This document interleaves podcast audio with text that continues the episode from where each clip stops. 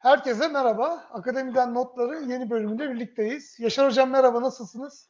Merhaba Orçuncuğum, teşekkür ederim. Sen nasılsın? Ben de iyiyim hocam, çok teşekkürler. Ee, bu hafta aslında açık bilim sevdiğimiz konulardan biri. Fakat biraz daha farklı bir bakış açısıyla açık bilimi konuşacağız. Ee, sizin hafta içinde çok güzel bir etkinliğiniz vardı. Ben de e, sizin sunumunuzu izleme şansına sahip oldum. E, o sunum içerisinde de aslında e, bahsetmiştiniz ama bu e, açık bilimle ilgili kültürel bir e, değişimin sağlanabilmesi için nasıl bir strateji oluşturulabileceği ile ilgili e, güzel bir görsel vardı. Ben de onu görünce dedim ki mutlaka akademiden notlarda e, buna değinelim. E, bu çünkü önemli bu kültürel değişimi e, sağlayabilmek. E, ve açık bilimle ilgili de aslında bir yol haritası belki de oluşturabilecek hem bellek kurumları için hem üniversiteler için hem de araştırma merkezleri için diye düşünmekteyiz. Onun için aslında bugün e, birazcık daha açık bilimin belki de nasıl daha etkin bir şekilde e, içerisinde yer alabileceğimizle ilgili birazcık konuşalım istiyorum. Nasıl başlayalım hocam? E, açık bilimle ilgili aslında çok program yaptık sayılır. Hemen hemen birçok farklı programlara değindik. Birazcık daha belki bugün açık bilimin uygulamasıyla ilgili, işleyişiyle ilgili konularda değiniriz diye düşünüyorum. Ee, teşekkür ederim. Senin de dediğin gibi hafta içindeki sonuçta çok uh, uzun süre uh, konuşamadık uh, bu açık bilim kültürüyle ilgili değişim stratejisini ama çok kısaca şunu söylediğimi hatırlıyorum. Yani biz altyapıyı oluşturmadan işte teşviklerle, politikalarla vesaire uğraşıyoruz. O zaman da bu o istenen sonucu vermiyor. O, vermediğini de zaten e, açıklık konusunda geldiğimiz nokta bizi e, bir şekilde e, uyarıyor aslında bakılırsa. Dolayısıyla da e, tam olarak ne demek istiyoruz yani bu um, o konuşmada bahsettiğim ve Maslow'un gereksinimler hiyerarşisine benzettiğim yapıda niye biz e, en uçtaki e, politikalardan, teşviklerden başlıyoruz da çok daha önemli olan altyapıyı e, ıskalıyoruz. Yeterince bu konuda girişimde bulunmuyoruz. Halbuki açıklık kültürünün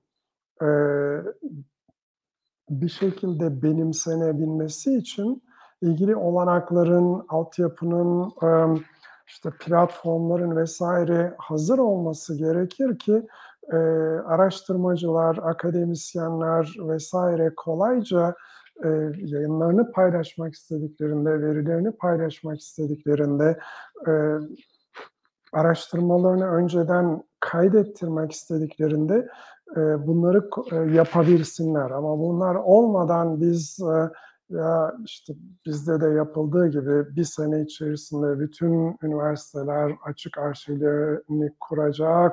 Hadi saati kurduk sene sonuna kadar bu bitecek deyince çok bir yere varamadık. Yani bu dediğim 2014 yılında yapıldı Türkiye'de.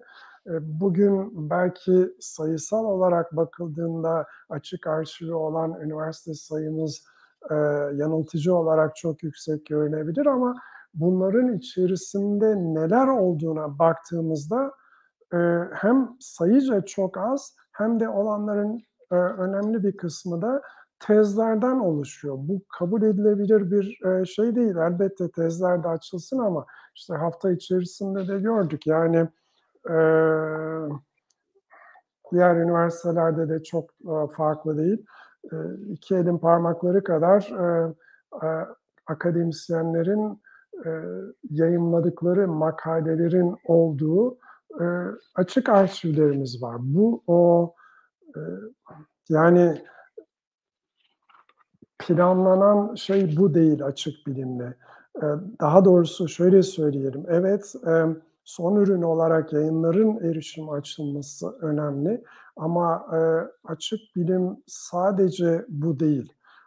Çünkü adı üzerinde bu son ürün. Halbuki açık bilimin e, araştırma e, yaşam döngüsünün her e, bileşeninde, her aşamasında olması lazım. Yani fonlandırmak kararlarının alınmasından tutun da, eee, hangi hipotezlerin kanıtlanacağının önceden bilinmesine, verilerin nasıl, aaa, yönetileceğinin önceden, emm, karara bağlanmasına kadar, eee, bütün aşamaları içeriyor. Dolayısıyla, eee, bu açıdan bakıldığında, yani son ürün olarak yayınlara erişim, eee, besin zincirinin en ucundaki aşama, açık bilimin bütünü açısından düşünüldüğünde.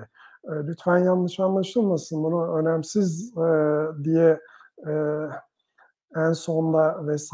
demiyorum ama oraya gelene kadar, aaa, yapılması gereken ev ödevlerimizi yapmadığımız için şu anda Türkiye'de henüz bir açık bilim kültürü filizlenebilmiş değil.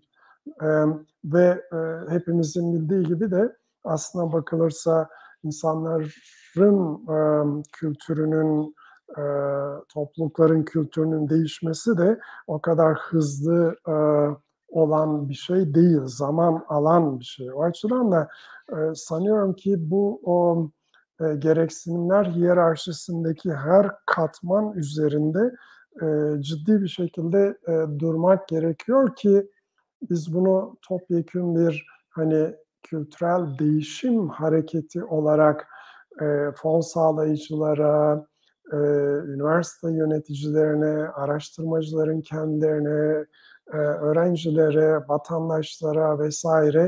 tabiri caizse satabilelim. Aksi takdirde, eee, bu, o kültürel değişim çok daha uzun, ooo, zaman alıyor ve, eee, çok daha, emm, ikna etmesi güç oluyor. Yani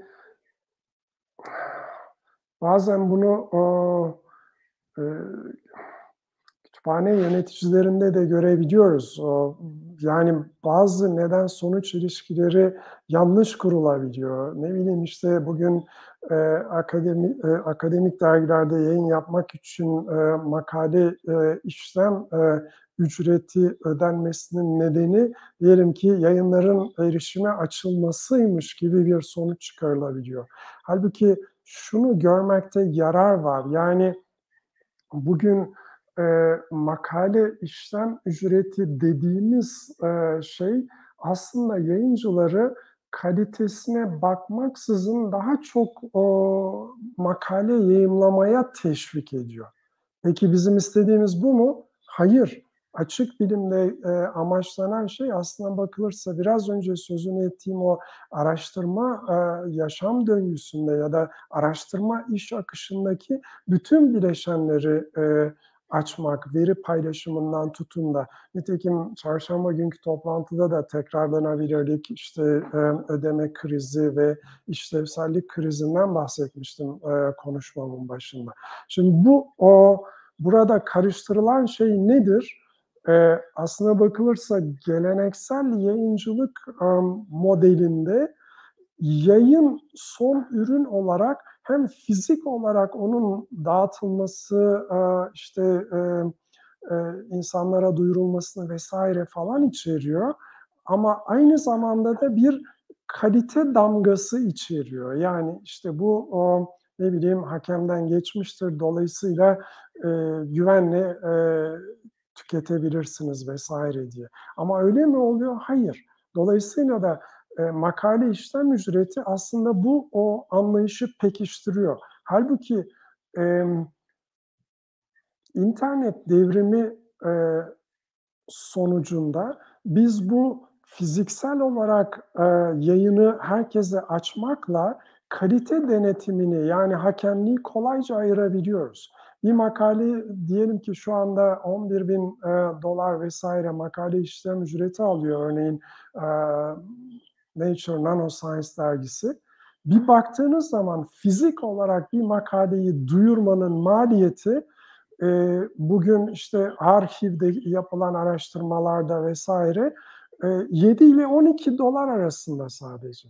Yani mesela arşiv diyelim ki senede 150-200 bin makale yayımlıyor. Bunların, eee, yayımlama maliyeti, eee, $10-12 arasında değişiyor. Ama ondan sonra, eee, diyelim ki, eee, değerlendirme kısmını pekâlâ şu anda yayın sonrası hakemlik, eee, yapılması vs.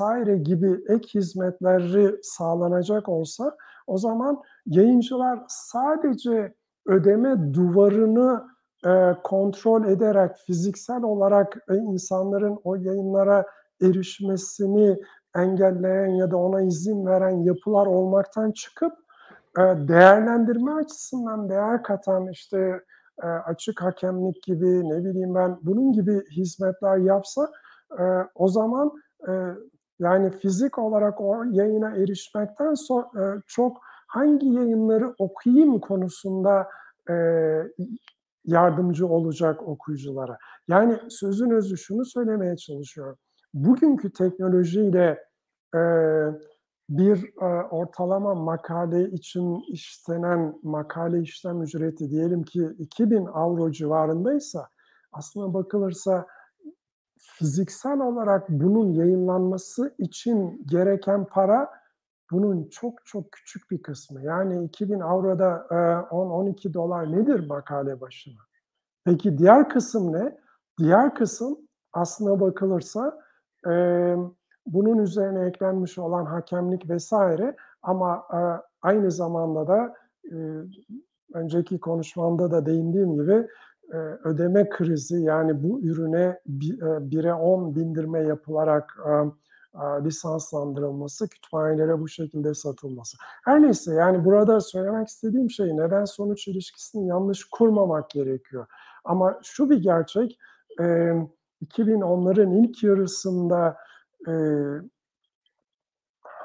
Finch raporu vs. nedeniyle bu makale işlem ücreti yoluna sapılmamış olsaydı belki bugün bu kadar, eee, bu iş, eee, öne çıkmamış olabilirdi. Yani şunu söylemeye çalışıyorum, açık arşivler üzerine biz bu biraz önce sözünü ettiğim katma değerli hizmetleri, eee, veri paylaşımını, eee, ön kayıt yaptırmayı, eee, açık hakemliği vs.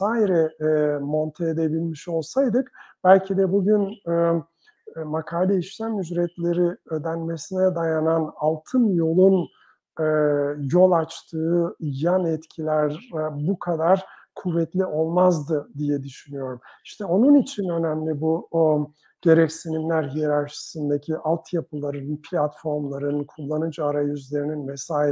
bir an önce oluşturulması. Hocam çok güzel bir konu aslında bahsettiğiniz ama burada tabii açık erişimle başlayan süreçte biz henüz o açık erişimle ilgili gerekli çalışmaları hem altyapı hem politika ile ilgili oluşturmadan açık veriler geldi. Bu sefer açık verileri de bu işin içine dâhil etmeye çalışırken daha geniş bir çerçeveden açık bilimle ilgili çalışmalar geldi ve burada aslında biz sürekli olarak bunun gerisinden, eee, koşmaya çalışırken de özellikle Türkiye içerisinde ciddi sıkıntılar da yaşadık. Hani sizin bahsettiğiniz bu bizim açık erişim portallarında kritik yoğunluğun oluşturulması için, eee, ağırlıklı olarak tezlerin yer alması vs. şeklindeki yapılar. Eyüp Uyumlugöl de aslında benzer bir yapıyı aktarmış. Açık erişim platformlarında eksik olan en önemli dokümanların başında bilimsel araştırma projeleri, sonuç raporları, bu projelerin araştırma verileri gibi geliyor. Yani bunlarla ilgili aslında ciddi bir eksiklik söz konusu ama sizin de belirttiğiniz gibi herhâlde o açık erişimle ilgili olan, eee, bölümü biz tam anlamıyla yerine getiremediğimiz için belki oradaki hem kültürü hem altyapıyı hem politikayı zamanında hayata geçiremediğimiz için bununla ilgili sıkıntılar da ortaya çıktı. Muhammed Damar da şöyle bir soru sormuş hocam. Eee, şöyle bakalım arzu ederseniz. Açık bilim kim tarafından istenir, kim tarafından istenmez? Şu anki büyük yayın evleri bu işe o zaman doğrudan, eee, karşı mıdır diye. Aslında bunu biz açık, eee, erişim ve açık veride de gördük. Eee, bir şekilde bu büyük yayın evleri veya aslında yayın evlerinin tamamı bunu bir fırsata dönüştürebiliyorlar bir şekilde. Belki bunu fırsata dönüştüremeyen, eee, daha çok akademik çevreler. Yani onlar, eee, kârlarını arttırmak için, eee, gelirle ilgili kapıların sayısını arttırmak için bir yol buluyorlar. Eee, ama açık bilimi gerçekten isteyen kesim belki de bu konuda, eee, çok da iyi bir şekilde, eee, hareket edemiyor. En azından Türkiye çerçevesinde bunun bu şekilde olduğunu söyleyebiliriz. Hatta tam tersine bu e, açık erişim platformlarının, dergilerin veya açık bilim yapısının e, zarar verdiğini, daha çok maliyet getirdiğini iddia eden çevreler de var Türkiye'de. Akademi e, tarafından ben burada e, bahsediyorum. Bu anlamda baktığımız zaman hocam bu e, strateji birazcık da birazdan belki daha da detaylandıracağımız bu strateji yapısı bizim açık erişim, açık veriyle ilgili kısımlardaki eksikliklerimizin giderilmesini de sağlayabilir mi? Yani henüz orada o ipin ucunu kaçırmadan e, bu konulardaki eksikliklerimizi de tamamlayabilir miyiz? Açık bilimin gücünü de e, hayata geçirirken. Ee, yani e, bu programda açık erişim konusunda konuşmayı planlamıyorduk ama e, söz açıldığı için gene de e, söylemekte yarar var. Senin de e, vurguladığın gibi aslında bakılırsa yayıncılar açısından bakıldığında bu ek gelir kaynağı e, haline geldi. Şöyle bir örnek vereyim. 2020 e, yılında ya da 21 belki geçen sene en büyük yayın evi e, yaklaşık 125 civarında yeni dergi çıkarıyor. Bir sene içerisinde. Bunların 100 tanesi makale işlem ücretine dayalı sadece makale işlem ücretiyle e, e, yayınlanan dergiler. Düşünebiliyor musunuz? Yani bu ne anlama geliyor? Biraz önce sözünü ettiğim şey. Makale işlem ücreti e, seçeneği bir şekilde yayıncıların çok daha fazla e, makale e, yayınlamasını teşvik ediyor. Neden? Çünkü başka programlarda konuştuğumuz gibi bir şekilde e, yazar öder ya da yazarın çalıştığı kurum öder e, yaklaşımı onların e, ekstra bir e, gelir elde etmelerini sağlıyor. O açıdan da e, dinleyicimizin, e, izleyicimizin sorusu e, açısından baktığımızda e, yani e, sorarsanız tabii ki açık erişime karşı değiller vesaire falan ama şu anda ek gelir getiren bir kapı olmuş durumda makale işlem ücretlerine dayalı e, yaklaşımın bir şekilde e, açık bilime giden yol e, olduğu e, konusundaki e, ne bileyim yaklaşımlar, ön yargılar vesaire. Bunu sorgulamak lazım. Yani e, biraz önce de dediğim gibi işin yayın kısmı çok aslında önemli bir kısım ama küçük bir kısım. Yani araştırma, e, iş akışı, araştırma, e, yaşam döngüsü açısından bakıldığında çok küçük bir kısım. İstersen açık erişimi bir miktar bir kenara bırakarak peki tam olarak ne demek istiyoruz? Yani bu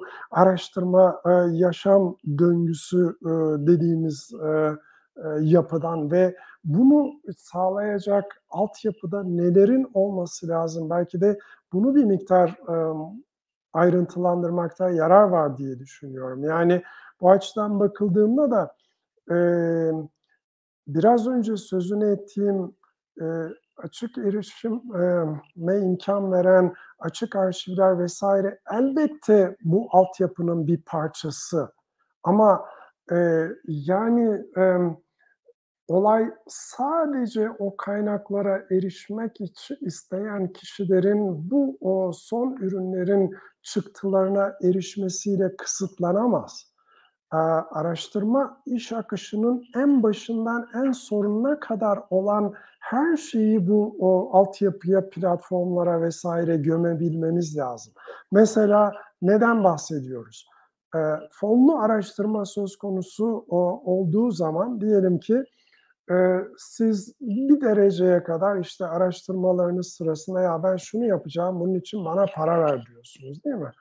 E, dolayısıyla da fon sağlayan kişi de bu sorunu önemli görüyorsa vesaire falan e, size kaynak sağlıyor falan.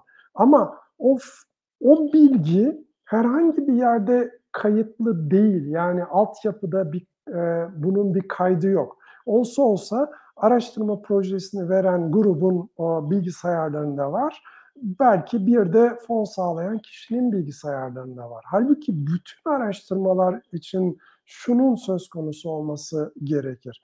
Ya benim şöyle bir planım var bu buna ben araştırmaya başlamadan önce bir yere kaydetmek istiyorum. Buna pre-registration deniyor. Ne olacak? İşte diyelim ki COVID-19 konusunda ilaç, e, aşı geliştireceğim. Yapacağım araştırmadan şu şu şu sonuçları elde etmek istiyorum. Dolayısıyla da e, yöntemim bu. Verileri şu şekilde paylaşacağım vesaire vesaire. O zaman fon sağlayan kurum da bakacak, evet bu problem önemli, dolayısıyla bunu destekleyelim. Ama bir de metodolojisine bakalım, acaba metodolojisi de iyi mi? Ha evet metodoloji de iyiymiş, dolayısıyla destekleyelim. Şimdi bu aşamada e, bu araştırmanın sonucu ne olursa olsun, örneğin çok seksi sonuçlar üretmemiş olabilir. Dolayısıyla da bundan hiçbir yayın çıkmamış olabilir. Ama hala evet böyle bir problem üzerinde çalışıldı. Dolayısıyla da şu metot izlendi vesaire diye bu bilgi altyapının bir parçası olmuş olur.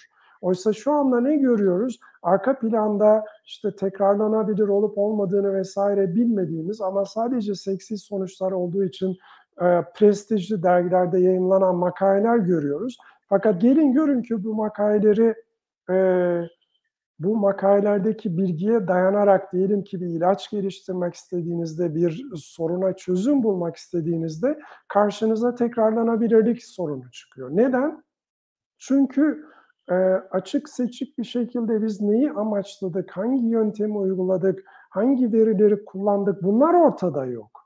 Öyle olunca da esas olay yani siz sonuçta diyelim ki COVID'e e, çare bulacaksanız Nature dergisinde yayınlanmış bir makaleyi e, ne bileyim işte şırıngaya koyup insanlara e, uygulamıyorsunuz. Orada söylenenler acaba istenen etkiyi uyandırıyor mu diye bu o işte deney sonucunda vesaire ne elde edildiğine bakıyorsunuz. E, Hocam bu sürecin el... tabii yani burada sürecin çok kıymetli olduğu sonucun artık o kadar belki de öneminin olmadığı bir noktaya da gelmiş olduk. Yani o süreci değerlendirecek, süreç içinde yapılacak çalışmaları biz göremedikten sonra belirttiğiniz gibi son ürünü görmenin veya son ürünün açık halde olmasının da bir esprisi kalmıyor. Bunu aslında birçok farklı çalışmada e, gözlemleyebiliyoruz. E, açık erişimin aslında belki de yeterli gelmediği bizim için nokta bu. Açık veriye de ihtiyaç olması, onun da yeterli gelmeyip biraz önce bahsettiğiniz yazılımına kadar değil mi? Kullanılan yazılımdaki algoritmalara kadar hepsinin bir bütün şeklinde açık bilim çerçevesi içinde sunulması gerektiği kısmı ortaya çıkıyor. Bu pandemi de bunu herhalde en üst noktaya taşımıştır. Yani ihtiyaçların analiz edilmesi anlamında. Mevcut yapıda eksik olan en önemli şey saydamlık, şeffaflık olayı. Bakın bu sözünü ettiğim araştırma e, iş akışı sürecinde ya da araştırma yaşam döngüsünde eğer e, buna imkan verecek altyapılar olsa diyelim ki e, yapılacak e, araştırmalarla ilgili olarak bir defa her şeyden önce araştırma toplulukları arasındaki iletişim hızlanacak. Ha bu sorun zaten çalışılmış ama bir yere varmamış vesaire. Şimdi bu da çok değerli bilgi ama şu andaki e, ticari yayıncıların yayın yapma anlayışına baktığınızda e, yani istatistiksel açıdan e, anlamlı e, olmayan sonuçların büyük bir kısmı yayınlanmıyor örneğin ya da çok sansasyonel sonuç vermeyen e, araştırmalar yayınlanmıyor. E, bunları zaman zaman görüyoruz. Bazen yayıncılar bunu sırf sansasyon yaratmak için de yayınlayabiliyorlar. Yani e, ne bileyim işte e, ünlü bir örnek e, çok konuşuluyor. E, e, ne kadar çikolata yerseniz o kadar çok Nobel ödüllü e, bilimciniz olur gibisinden bir makale yayınlanmıştı. Anlı şanlı bir dergide yıllar önce hala da e, kolayca e, görülebilir bu. İşte e, ülkelerin e, çikolata tüketimiyle kaç tane Nobel ödülü aldıklarına bakmışlar ve oradan giderek de işte bir e, şekil yayınlamışlar vesaire. Şimdi sansasyonel derken bunu kastediyorum. Yani e, baktığınız zaman dergi prestijli mi? Evet elbette prestijli ama yani ne kadar çok o, çikolata yersen o kadar çok e, Nobel ödülü kazanırsın gibi bir hikayeyi neden sonuç ilişkisi gibi e, sunulması biraz e, hani e, kuşkuya yol açmalı insanlarda diye düşünüyorum. Nereden biliyorsunuz her Nobel ödülü alanın e, ne bileyim işte e, çikolata sevdiğini vesaire falan. Hocam aynı şey bisikletle ilgili de olabilir. Yani bisiklete çok bilinen, eee, mesela ulaşım için bisikletin çok kullanıldığı ülkelerde de tahminen Nobel ödülü daha çok alınmıştır yani. Hani Yani, çalışma olabilir. deminki yaşam döngüsüyle ilgili açıklığın, aaa, saydamlığın sağlayacağı diğer şeylere de kısaca değinmekte yarar var aslına bakılırsa. Mesela biraz önce sözünü ettiğim bu, aaa, ön kayıt olayı, yani önceden siz araştırmacı olarak ne planlıyorsunuz? Emm, bunu, ortaya koymanız lazım ki ondan sonra, işte, elde ettiğiniz sonuçlara göre hipotez, eee, oluşturmayın. Yani bu şuna benziyor: Ya, ben araştırmaya başlıyorum, emm, ondan sonra da, eee, ok yaydan çıktı ama hedefe göre, eee, okun gittiği yöne doğru, ııı, çeviriyorum o Ama hedefi. hocam fon sağlayıcı zaten bu şekilde, eee, o projenizi verirken bunlardan bahsetmiyor musunuz? Bahsediyorsunuz. Yani bunlardan bahsedilmeden yapılan araştırma mı oluyor ki? Normalde olmaması lazım yani. Eee, yani, eee, bu o fon sağlayıcılara verilen araştırma önerilerinde, olan şeylerden biraz daha farklı. Sizin açık bir şekilde bu araştırmanın, eee, odaklandığı sorun ne? Ne tür sonuçlar bekliyorsunuz? Hangi metodolojiyi kullanıyorsunuz? Hangi verileri elde edeceksiniz? Bunların, aaa, kayıt altına alınması. Oysa şu anda fon sağlayıcı sizden böyle bir şey istemiyor. Yani gel geldiğimiz en son nokta şu: Aaa, ya, eee, bu araştırmadan üretilecek verileri nasıl yöneteceksin? Bununla ilgili bize bir, eee, veri yönetim planı sun biçiminde. Ama bu benim sözünü ettiğim, hani, eee, hedefin, eee, değişmesinden vs. farklı bir olay. Yani eğer bu şekilde davranılmış olursa o zaman, emm, araştırma ile ilgili ön yargılar, hatalar, işte, yanlış ipuçları vs.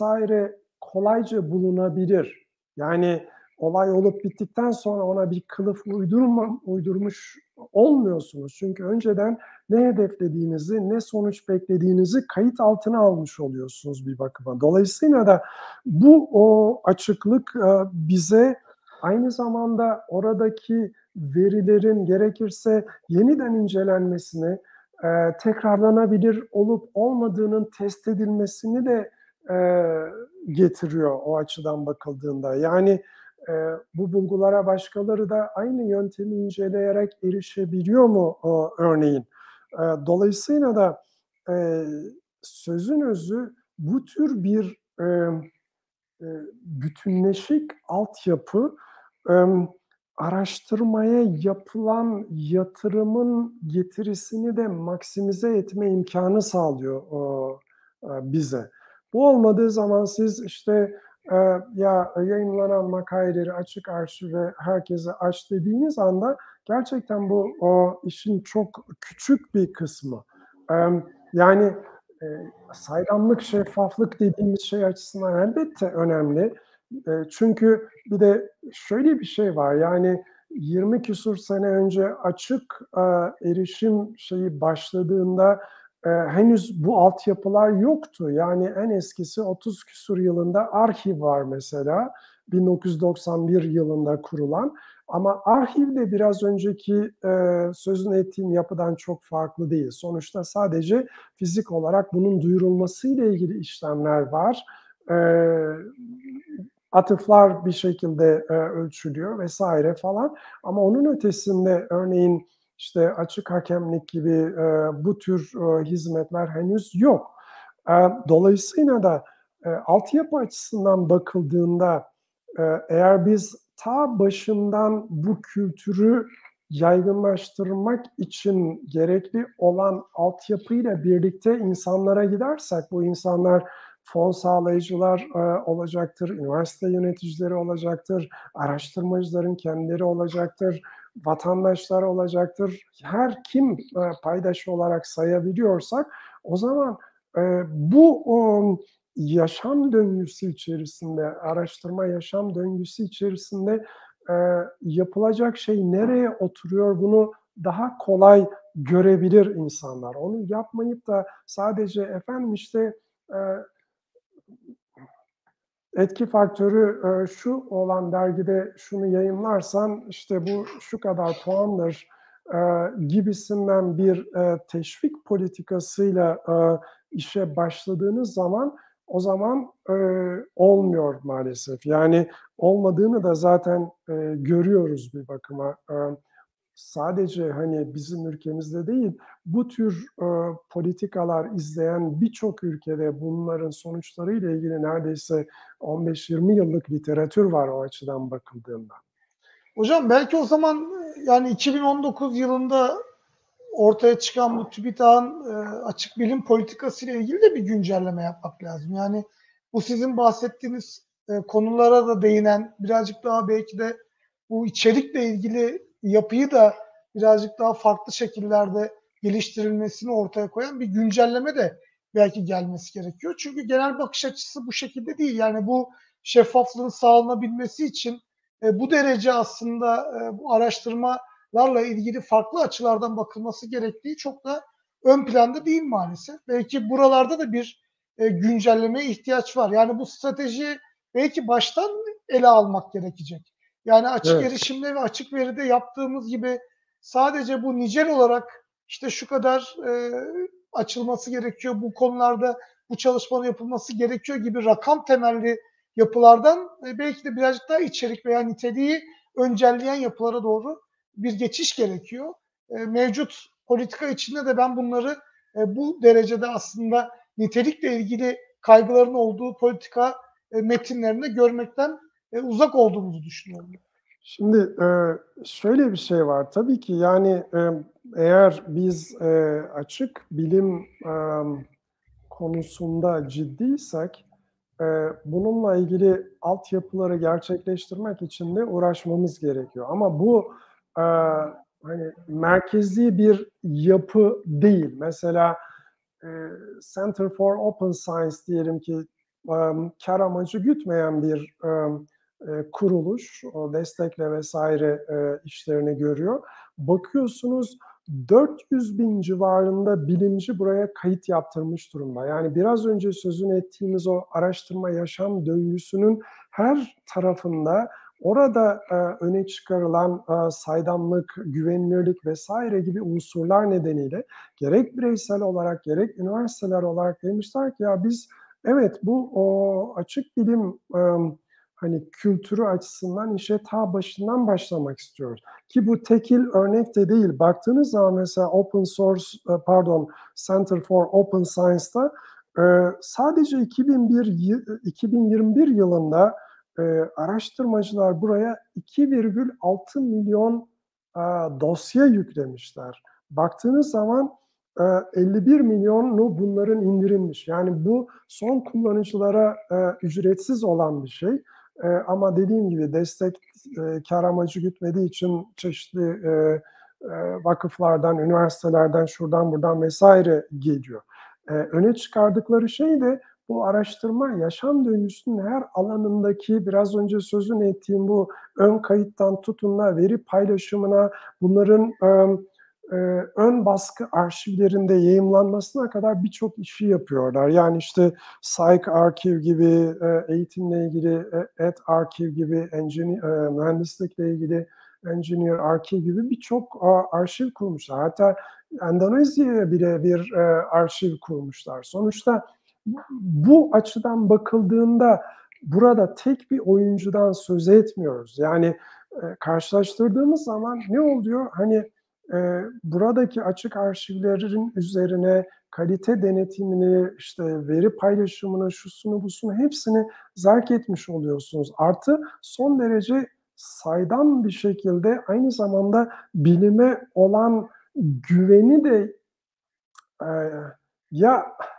yeniden tesis etme demeyelim ama güçlendirmeye uğraşıyorsunuz. Çünkü e, bu tür bir e, araştırma iş akışı e, çerçevesinde üretilmiş olan çıktılar, bilimsel çıktılar bir şekilde daha güvene layık bulunuyor. Bu da e, vatandaşların e, bilime olan güvenini güçlendiriyor. Diyor ki ya evet bilime e, güven duymamız lazım. Çünkü bilim buna layık. Neden? Çünkü her şeyden önce bilim kendisine e, güvenmiyor. Yani kendisinden kuşku duyuyor. Başka bir yapı yok yani. E, böyle bir yapı yok. Hani e, bilimin karşısına ne koyacaksınız diyelim ki? E, inancı koydunuz diyelim ki. Onların kendi e, yaptıklarından bir kuşkusu var mı yok mu diye bir sorun kendisine. Ama bilim yapmak demek zaten kuşkucu olmak demek. Üniversite demek kuşkuculuğa prim verilen bunun e, ne bileyim e, parasıyla insanların kuşkuculuğu en ileri aşamaya götürmesi gereken yerler olarak planlanmış tarih boyunca. Böyle bir e, kurum yok hayatımızda. Onun için de e, son o dönemlerdeki bu yayıncılıkla ilgili e, topu taca atmalar vesaire elbette bilime güveni sarsıyor ama bu bilimin kendisiyle ilgili bir olay değil. Çünkü bilim hala kendisine güvenmemeye, evet burada bir yanlışlık vardır demeye devam ediyor. Ta ki e, bir şekilde hani bilimsel gelişmeyle ilgili olarak e, evet bu aksi ispat edilene kadar doğrudur varsayımıyla yapılıyor bütün bilim, bilimsel e, çalışmalar. Dolayısıyla da buradaki açıklık e, bu güveni aynı zamanda güçlendirecek bir olay. Yani kapalı kapılar arkasında veri yok ortada ne bileyim tekrarlanabilirlik yerlerde sürünüyor. E, 1'e 10 fiyatla piyasaya arz edilen e, araştırma çıktıları söz konusu olduğunda bunları maalesef bekleyemiyorsunuz. Dolayısıyla da e, senin soruna daha spesifik olarak dönecek olursak bu aşamada yapılması gereken şey e, mesela um, Center for Open Science'dan örnek verdim. Hani bu birbirini dışlayan şeyler değil. Pekala e, fon sağlayan kurucular da bu tür altyapılara destek veriyor. Üniversiteler de e, bu altyapılara destek veriyor. E, bunu yapması demek ille de işte ne bileyim e, bundan sonra o üniversitenin hiçbir ticari dergide makale yayınlamaması anlamına kuşkusuz gelmiyor. Ama en azından bu saydamlık, bu güven hikayesini, bilime tekrar güven hikayesini ciddiye aldığını gösteriyor ve kendi bilimcilerine çok daha kolay bir şekilde açık bilimin e, nimetlerine diyelim erişebilme e, imkanı sağlıyor. Çünkü e, odaklanılan nokta sadece son ürün olarak dergi makalesi değil. Bütün o yol o önemli. Yani hani bir deyiş vardır ya, e, önemli olan şey e, saz çalmasını bilmek değil, e, saz çalmasını öğrenmektir diye. Yani son ürün saz çalmasını bilmek ise okey. Ama saz çalmasını öğrenmek de burada son derece önemli. Başından beri sözünü ettiğim ön kayıt yaptırma, veri paylaşımı, açık arşivler vesaire işte o süreçteki çok önemli nirengi noktalara o açıdan bakıldığında. Bütüncül olarak da açık bilim herhalde bu o şekilde ancak bir kültürel değişim olarak paydaşlara daha kolay kabul ettirilebilir. Ama onun ötesinde e, yani bir takım e, üst yapılar kurarak bir takım işte e, ne bileyim sen e, yüksek etkili dergide yayınlarsan ben de sana verir, para veririm gibi e, yaklaşımlarla açık bilimi bir yere kadar götürebilirsiniz. Hocam aslında e, burada yurt dışındaki farklı örneklere baktığımız zaman belirli üniversiteler veya bu araştırma merkezlerinin e, yaptığı çok güzel çalışmalar ve bunu model olarak belki de kabul edip çok farklı ülkelerdeki kurumların veya aynı ülke içindeki farklı kurumların bunun bir model olarak kabul edebildiğini görüyoruz. Yani burada belki de biz hani Türkiye açısından baktığımız zaman tüm ülkenin e, kapsayacak bir politika ve bununla ilgili bir strateji geliştirmek yerine kurumların kendi kendine e, belirli bir yol haritası izleyerek en azından belli bir ilerleme kaydetmesini sağlamak iyi olmaz mı? Yani biz işte yurt dışında bazı üniversitelere, araştırma kurumlarına baktığımız zaman çok iyi örnekler görüyoruz ve orada gerçekten açık bilimle ilgili yazılımından altyapısına, oradaki politika geliştirmeden belki de sürdürülebilirliğe kadar birçok farklı yapıyı hayata geçiriyorlar ve bunu bir model olarak belki de sunuyorlar. Biz bununla ilgili örnekleri daha önceden de incelemiştik. İşte Hollanda'da belirli örnekler var. Farklı ülkelerde bir takım örnekler var. Ama Türkiye içine baktığımız zaman işte YÖK'ten bir yazı gelmesi, işte TÜBİTAK'tan bir yazı gelmesi ve bununla beraber bütün üniversitelere veya işte araştırma merkezlerine yayılan bir yapıyı belki de hep e, arzuluyoruz veya bunun için bir takım çalışmalar yapmak istiyoruz ama belki de burada daha mikro ölçekte çalışmalar yapıp bunu hayata geçirmek lazım. Yani sizin o e, konuşmanızda bahsettiğiniz e, piramit yapısını belki onu e, şöyle e, tekrardan bir e, ekrana getirelim. Yani bir üniversitenin, e, bir araştırma merkezinin, bir bellek kurumunun ya ben açık bilim için bir değişim istiyorum. Yani burada bir kültürünü oturtmak istiyorum. Bunun için bu piramitteki yapıyı kendi kurumum için uygulamaya başlayayım deyip hayata geçirmesi çok mu zor? Yani bunu biz mesela kendi üniversitemiz için de düşünelim. Hacettepe Üniversitesi için de. Bir takım farklı üniversiteler içinde ki bunlar araştırma üniversitesi olarak belki de isimlendiriliyor. Çok daha fazla bu konularda belki çalışma yapması lazım. Yani burada e, kurumların kendi içerisinde böyle bir strateji, böyle bir kültürel değişim uygulaması çok mu zor? Çünkü biz bunu ülke genelinde yapmamız çok zorlaşıyor. Bunu biz açık erişimde gördük, açık veride gördük, politika geliştirme konusunda gördük. Yani atıl bir şekilde kalan e, kurumsal arşivlerde biz bunu gördük.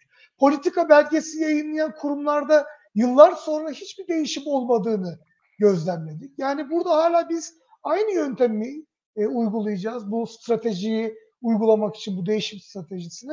Yoksa e, herkes bir iç girişimci olarak kendi kurumunda bunları yapıp bunun belki de ülkeye daha genel bir yapıya yayılmasını mı sağlayacak? Biraz bunlardan ben de aslında e, konuşup belki de ilham alacak birileri çıkar diye de umut ediyorum yani. Şimdi e, çok önemli e, noktalara değindin.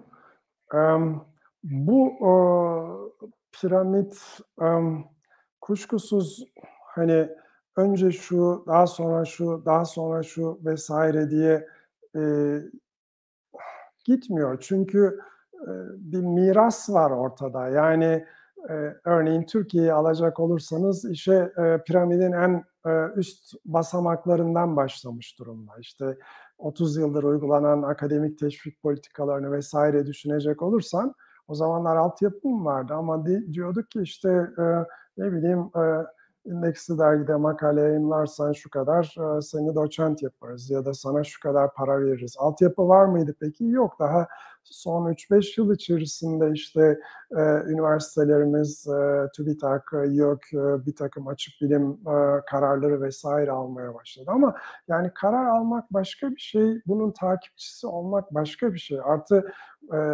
takipçisi olmak da yeterli değil. Biraz önceki piramitte gösterdiğin alt taraftakiler yoksa ve üst taraftaki kararlarda bunları gerçekleştirme açısından bir sıkıntı oluşturuyorsa o zaman sorun var demektir. Bak bir örnek vereyim.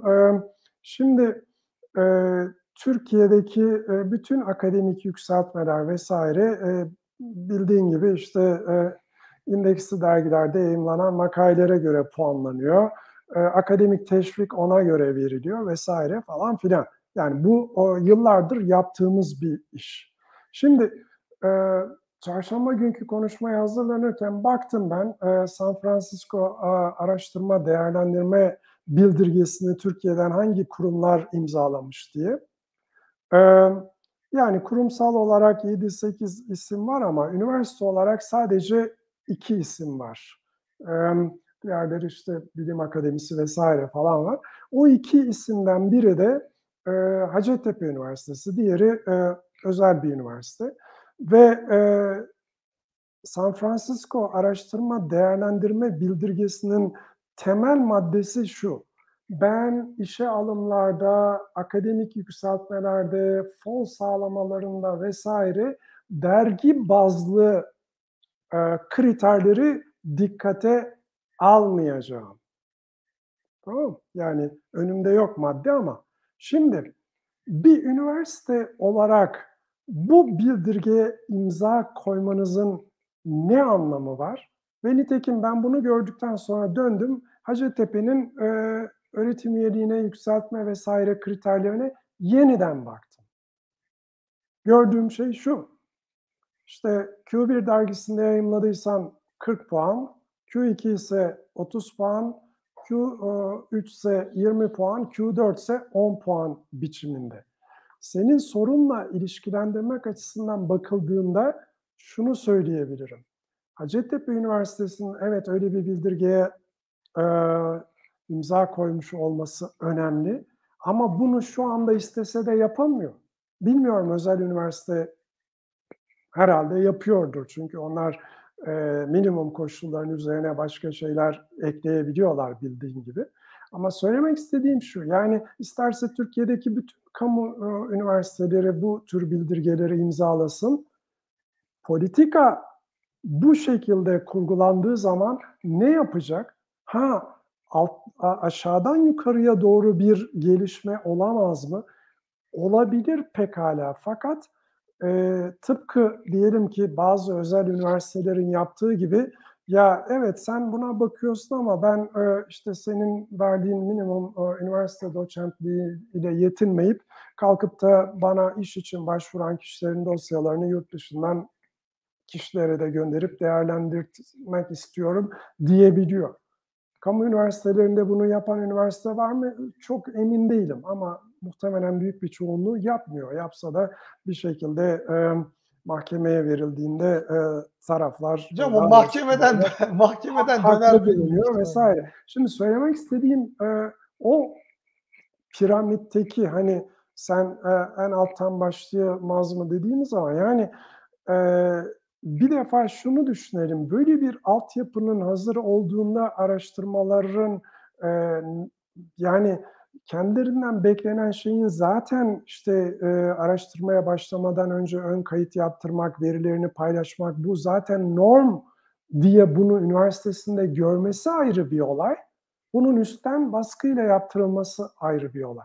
Yapmak istese bile e, örneğin böyle bir e, kolaylaştırıcı altyapı olmayan bir üniversitede ne yapabilirsiniz? Yani bütün bunlarla ilgili ben yıllardır e, çevreyi tarıyorum. İşte e, bir zamanlar bir konuşma yapmıştım. Ya ne oluyor ürettiğiniz veriler araştırma ile ilgili olarak? O zaman YÖK'e bakmıştım. TÜBİTAK'da epeyce zaman geçti.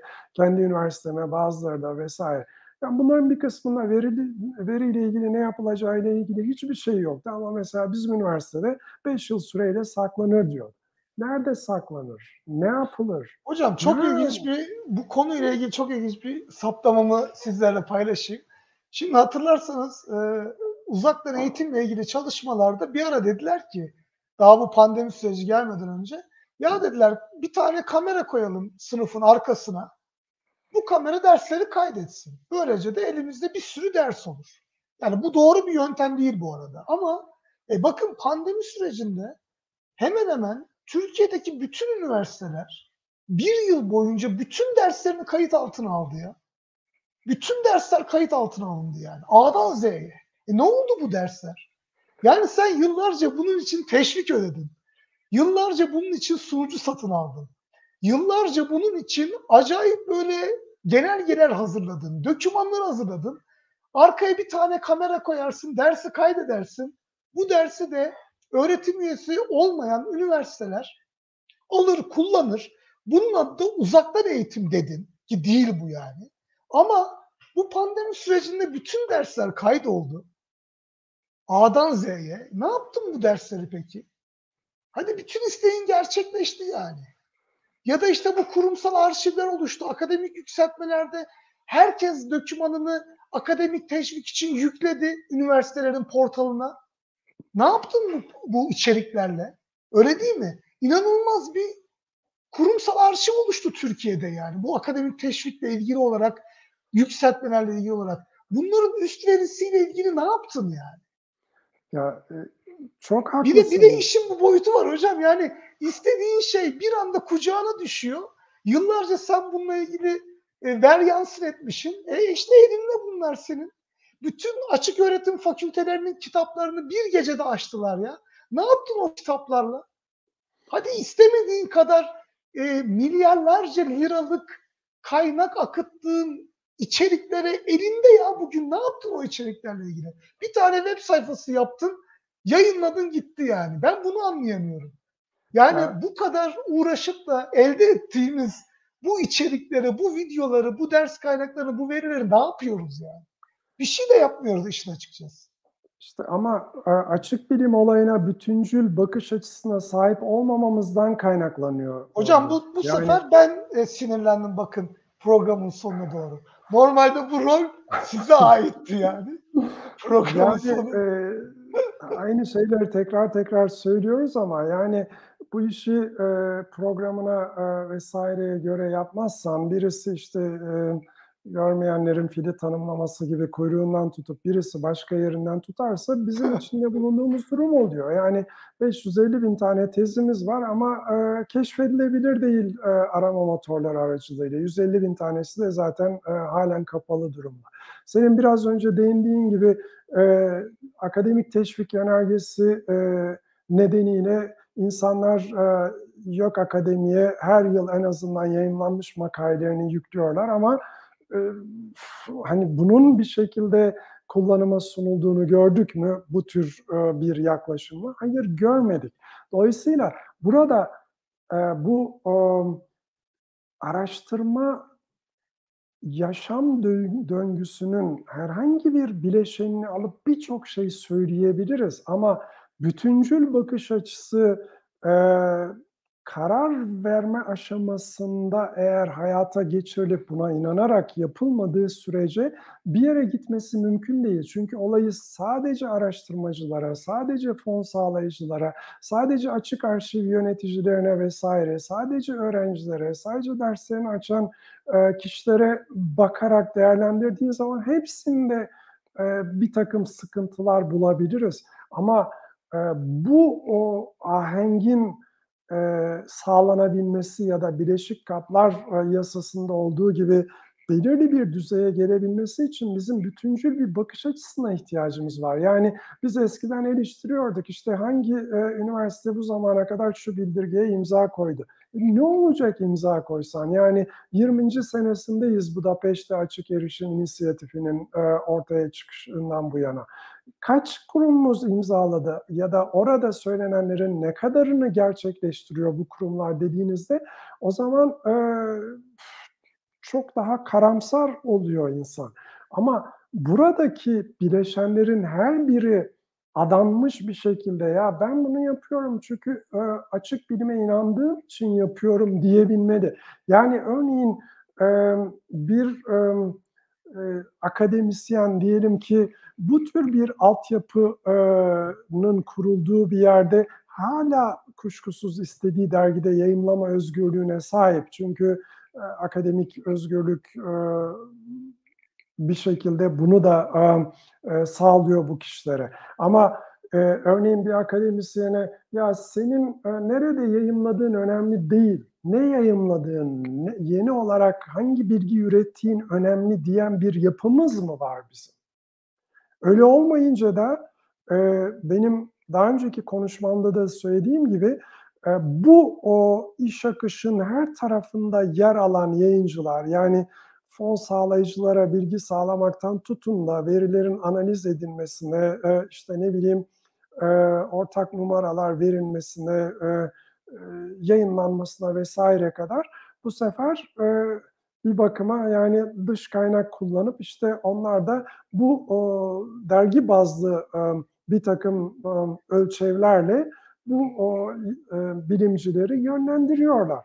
Yani siz e, ya hayır bu o kadar önemli bir makale ki dolayısıyla bana işte açık bir dergide yayınlarsam hiçbir kredi getirmez şeyini yıkamadıkça politikalarınıza o, o araştırmacılar elbette etki faktörlü dergilerde vesaire yayınlamaya yoluna gidecekler.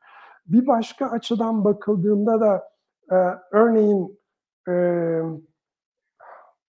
bilgi hizmeti sunan kurumlar açısından bakıldığında biz biraz önce verdiğin örnekle de ilgili bu. Yani e, ders kitaplarını, işte derslerde yapılan sunumları vesaire e, öne çıkaracak bir yapı mı kuruyoruz? Yoksa yıldan yıla bu o, e, makale işlem ücreti ya da ticari e, lisanslar yoluyla mı e, edindiğimiz e, e, bilgi kaynaklarına daha çok para harcıyoruz? Hatta ekstra yol kat ederek öyle düzenlemeler yapıyoruz ki e, bir şekilde bu o yayıncıları oligopol e, ya da tekel haline getiriyoruz. O konuşmamda da bahsettim. Yani bugün beş büyük yayıncı ticari açıdan pazarın yüzde yetmiş beşini elinde bulunduruyor. Ve bu sadece yayın açısından değil, biraz önce sözünü ettiğim gibi e, araştırma iş akışındaki her şey açısından. Ama mesela açık bilim açısından bu işe bakacak olsak, yapılacak şeylerden bir tanesi şu. Bizim e, yasalarımızda da var. E, daha e, önce e, Kazım Şentürk e, arkadaşımız da kendi yaptığı programlarda buna değinmişti. Bizde de tek elden satın almaya imkan veriyor yasalarımız. Yani tek elden satın alma dediğimiz şey ya bu ürün e, başka hiçbir yerden sağlanamaz. Dolayısıyla e, bu o şirketten satın alınabilir diye. Ama tıpkı başka ülkelerde olduğu gibi bizim mevzuatımızda da söylediği şey e, şu tam olarak bu mal ya da hizmet e, alınması söz konusu olduğunda bir ekonomik teknik gelişme vesaire açısından e, bu bizim yararımıza olacak e, ülke açısından. Tüketici bundan yarar görecek. Tüketici dediğimiz şey araştırmacılar burada, üniversitede bu elektronik kaynakları sağladığınız kişiler. Artı rekabeti e, köreltmeyecek. Şimdi Allah aşkına Türkiye'deki e, elektronik kaynakların tek elden satın alınmasının rekabeti köreltmediğini söyleyebilir miyiz? Mümkün değil. Kaldı ki aslına bakılırsa gene e, bu işi benden daha iyi bilen e, meslektaşlarımızın yaptığı programlardan e, öğrendiğim kadarıyla aslında Sayıştay da buna e, diyor ki yani niye tek elden alıyorsun? İşte ee, eğer um, kamuyu zarara uğratıyorsan ben bunu o, senden alırım biçiminde. İyi ama ne yapılıyor? Yani ne yapılıyor derken e, bu o, yüksek lisans e, ücretleriyle ilgili olarak genel olarak bir karşı koyuşumuz var mı? Artı e, rekabeti köreltmediğini mi düşünüyoruz hala? Ama aynı işi yapmaya devam ediyoruz. Yani e, dolayısıyla da bu da aslına bakılırsa e, açık bilimin bir parçası. Yani e, daha önce de Open Research Europe çerçevesinde sözünü ettiğimiz gibi bu eğer dışarıdan alınan bir hizmetse yani yayınların yapılması, hakemliğin yapılması vesaire e, onu da rekabetçi bir şekilde yaptır. De ki ben A üniversitesiyim, senede 2000 makale üretiyorum. Bu 2000 makalenin e, diyelim ki hakemliğinin yapılması, platformun oluşturulması vesaire için kaç paraya bunu yaparsın? Şimdi e, nitekim Open Research Europe'un yaptığı da bu. Ortalama 2000 e, avro iken bu o şey e, 780 avroya bunu yapıyor. Avrupa Birliği projeleri çıkışlı olanlarla ilgili olarak yapıyor. Kuşkusuz sadece yüzde beş altısını e, kapsıyor bu bütün e, e, yayınla ilgili e, şeyin dünyada ama gene de önemli o açıdan bakıldığında. Dolayısıyla bu e, hani Sayıştay'ın vesaire doğru bulmamasına rağmen şu anda e, üniversiteler yayın işlerini vesaire bu şekilde dış kaynakla yaptıramıyor. Kendi altyapıları da yok. Yani biraz önce sözünü ettiğimiz gibi Center for Open Science türü oluşumlar da yok Türkiye'de. Mevcut olanlar da henüz daha son o, çıktılarla ilgili e, ya da e, verilerin depolanması ile ilgili konularda e, e, hizmet sağlıyorlar. Ama açık bilim skalasının her yerinde sunulan hizmetler e, henüz daha gelişmiş durumda değil. Öyle olunca da e, maalesef hani biraz önce sözün ettiğim her aşamada bu e, sıkıntı görüyoruz. Ha bunun böyle olması normal değil mi? Yani biraz önce işte tek elden satın alma başka ülkelerde de var ama rekabetin gözetilmesi vesaire. Orada gerçekten gözetiliyor. Belki birçok bir dinleyicimiz, izleyicimiz bilmiyor olabilir ama mesela 1980'lerde Amerika'daki en büyük oluşum AT&T telekom hizmetleri sağlayan sırf rekabet kısıtlamasının daha doğrusu tekelleşmeye yol açtığı için parçalandı örneğin. Nitekim birçok ülkede elektrik sağlayan vesaire bu açıdan da söz konusu. E bizde bakıyorsunuz şu anda örneğin bırakınız e, elektronik lisansları vesaire bir telekom olayına bakın. Yani oramıza buramıza bulaştırdık e, özelleştirme şudur budur vesaire derken. Ha bu anlaşılabilir değil mi? Elbette anlaşılabilir. Neden? Çünkü baktığınız zaman işte Amerika Birleşik Devletleri'nde bu o, rekabeti önleyici e, yasa 1800'lerin sonunda çıkıyor. Bizde 1900'lerin sonunda çıkıyor. Yani bir baktığınız zaman arada 100 senelik fark var. E, hani lisans anlaşmasından e, bağımsız olarak ister telekom ister elektrik vesaire e, şu bu e, açısından niye e, tekelleşmeye rekabeti önlemeye yönelik e, e, bir takım mevzuat oluşturuyoruz dersek e, o zaman benim cevabım buna e, arada 100 senelik bir e, tecrübe farkı var demek olacak maalesef. Hocam yavaş yavaş süremizin sonuna geliyoruz. E, çok değerli aslında katkılar var. E, ben onları da şöyle bir göz atıp yavaş yavaş bitirelim istiyorum. E, Muhammed Damar demiş ya bunun içselleştirilmesi gerekiyor. Üniversitelerin varlık nedenini sorgulaması gerekiyor. Belki de bu hep bizim üzerine durduğumuz nokta. E, sorgulayanlarda da müthiş bir yorgunluk var sanırım diyor. Bu da ilginç bir nokta. Gerçekten insan e, belli bir süre sonra e, yoruluyor. E, bununla beraber e, hocam aslında e, başka diğer yorumlara da e, şöyle bir göz atıyorum. E, Nurdana'nın da aktarmış. Araştırmacının neden bilim yaptığını sorgulaması, veri erişim, yeniden kullanım konusunda kafa yormaları ve talep etmeleri gerekiyor sanırım. Gerçekten de öyle. Yani araştırmacının da bu konularda e, çok yoğun bir şekilde aslında sorgulama e, yapması e, gerekiyor. Bunlarla ilgili noktalar var. Burada da yine YÖK ve aslında TÜBİTAK arasında bir bağlantı var mı? Bu konularla ilgili e, işte bir işbirliği var mı? Ne kadar temasta diyor. Bu bizim kurumlarımız arasındaki işbirliği ve çok önemli. Bu konularda da bir sıkıntı yaşadığımızı e, biliyoruz aslında. E, yani bu iki kurumun veya diğer e, paydaşların da ortaklaşa bir takım çalışmalar yapması gerekiyor. Genelde bu konularda da biz sözde işbirliği yapıyoruz ama bunun uygulamaya geçtiği taraf e, bir takım e, sıkıntılarda yaratıyor. Yani sahaya inilmesi, gerçekten bunlarla ilgili ölçümlerin, raporlamaların düzgün bir şekilde oluşturup paylaşılması da e, çok mümkün değil e, Sedat Bey de şunu aktarmış aslında. Ülke bazında politikalar benim biraz önce bahsettiğim e, bunlar tepeden iniyor ama acaba fakülte veya kürsü bazında bunları harekete geçirebilir mi? Tepeden inme çözümler çok da e, belki de işlemiyor diye de aktarmış durumda.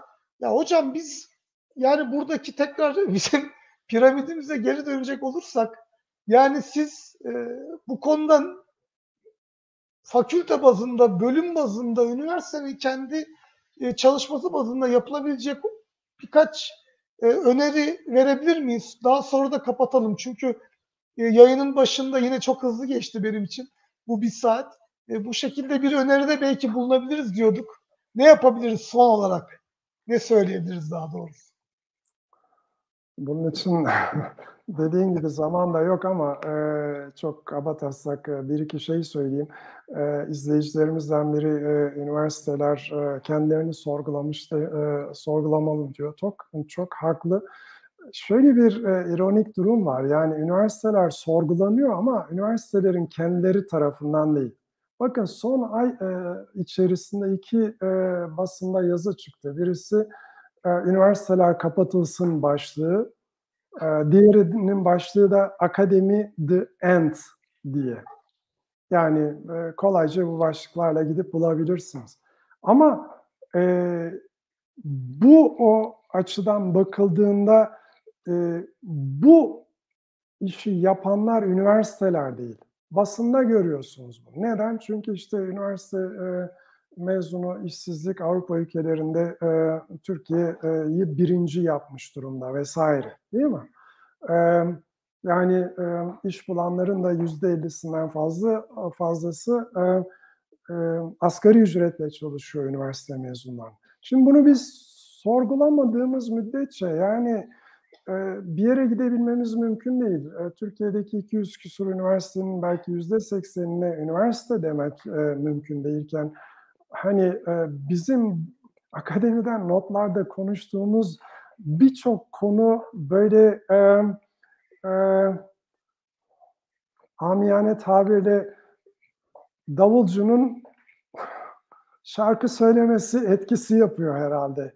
Eee, şimdi böyle olunca, yani, burada reçete vermenin spesifik olarak çok bir anlamı da kalmıyor maalesef.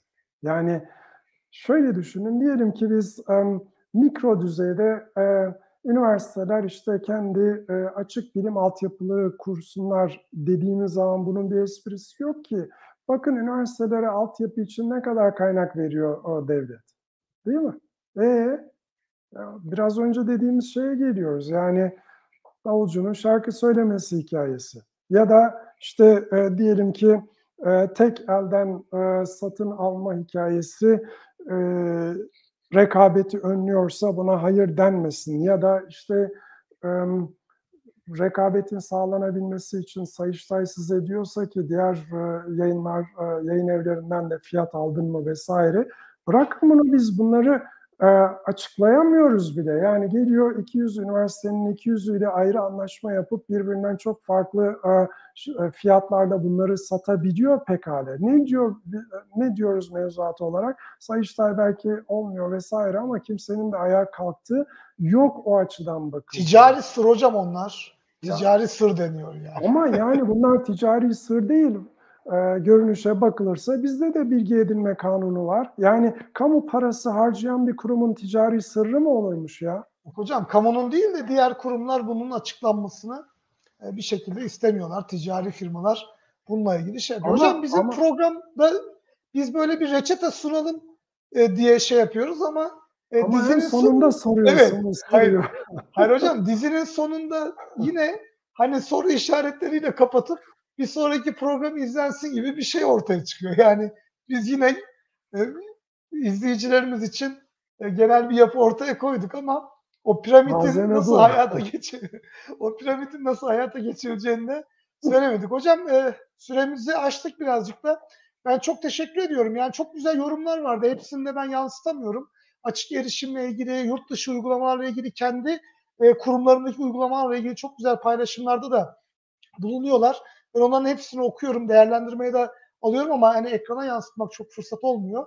Eee, sonuç itibariyle hocam, eee, burada farkındalık sağlama konusunda bir sıkıntı yok. Herkes, eee, birçok şeyin farkında ama uygulama konusunda biraz sıkıntımız olduğunu görüyoruz. Burada sorgulama kısmı ön plana çıktı herhâlde bugün.